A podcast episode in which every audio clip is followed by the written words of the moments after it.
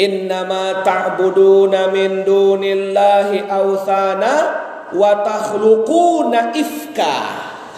Sesungguhnya apa yang kalian sembah itu hei orang-orang Arab jahiliyah authana berhala-berhala. Kalian tahu itu.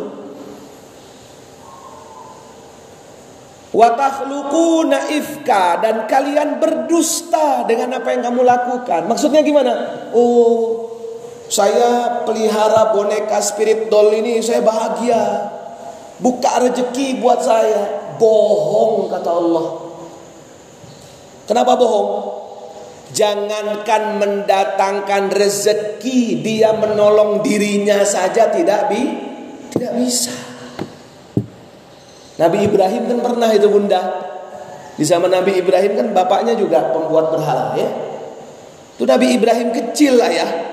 Memang sudah ada tanda-tanda kenabian dari beliau. Jadi orang kalau diangkat Allah jadi nabi ada tanda-tanda kenabi kenabian. Di antaranya fatonah kecerdasan di atas rata-rata.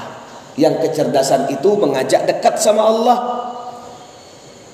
apa kata Nabi Ibrahim kecil alaihi salam kepada ayahnya? Ayah, ayah buat patung uh, ayah buat patung asnam itu pagi siang malam.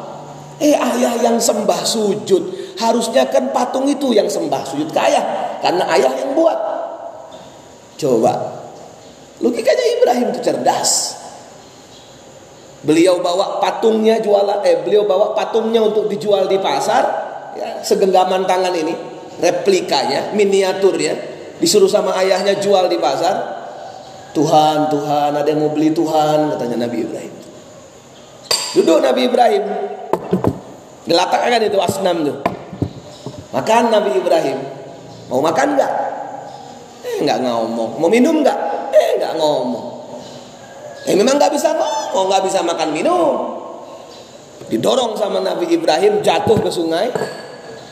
Begitu jatuh tenggelam pak. Blebok blebok blebok blebok. Dilihat sama Nabi Ibrahim tuh ini kalau Tuhan beneran nih bangun nih ini kalau Tuhan nih bangun dia terus ditinju saya eh tenggelam tuh batu Kata Nabi Ibrahim, jangankan menyelamatkan bapak saya, jangankan menyelamatkan saya, menyelamatkan dirinya pun tak mampu. Cerdas luar biasa.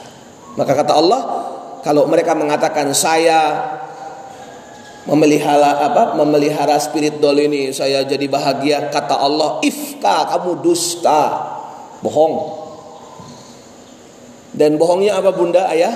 Ternyata uh, ayah tokoh-tokoh mereka mereka mereka ini semoga Allah berikan hidayah ya insya Allah itu kan mereka orang-orang yang berkelimpahan harta betul berkelimpahan harta ada popularitas ada jabatan tapi ternyata kekayaan popularitas nggak membuat bahagia. Betul ya? Kan selama ini kan kita aduh dengan keadaan kita kayak begini aduh kayaknya gimana? Uh kayaknya lihat orang kaya tuh enak. Lihatnya kayak mereka itu uh kayaknya uh enak banget. Ternyata mereka kaya bergelimpahan, ininya kosong ini buat apa? Ifka kata bohong.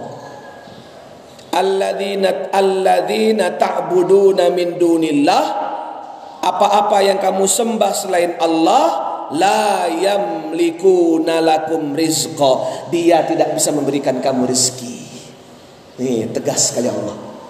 Bukan dia yang memberi rezeki, huwar razzaq.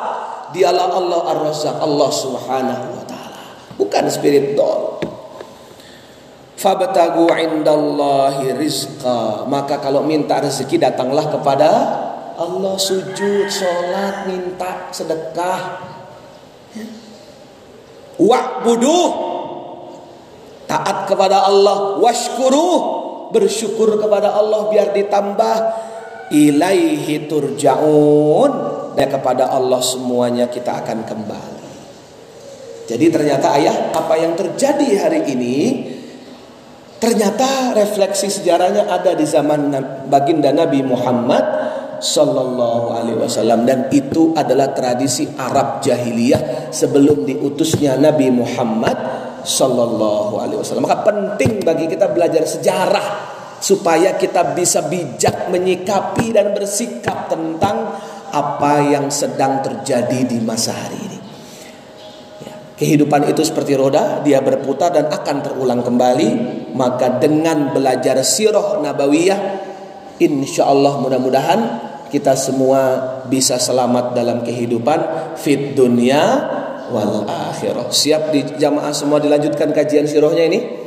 Siap ya jamaah? Insya Allah bulan depan Pak Syafi'i, ayah bunda mohon doanya semoga kita bisa bertemu kembali.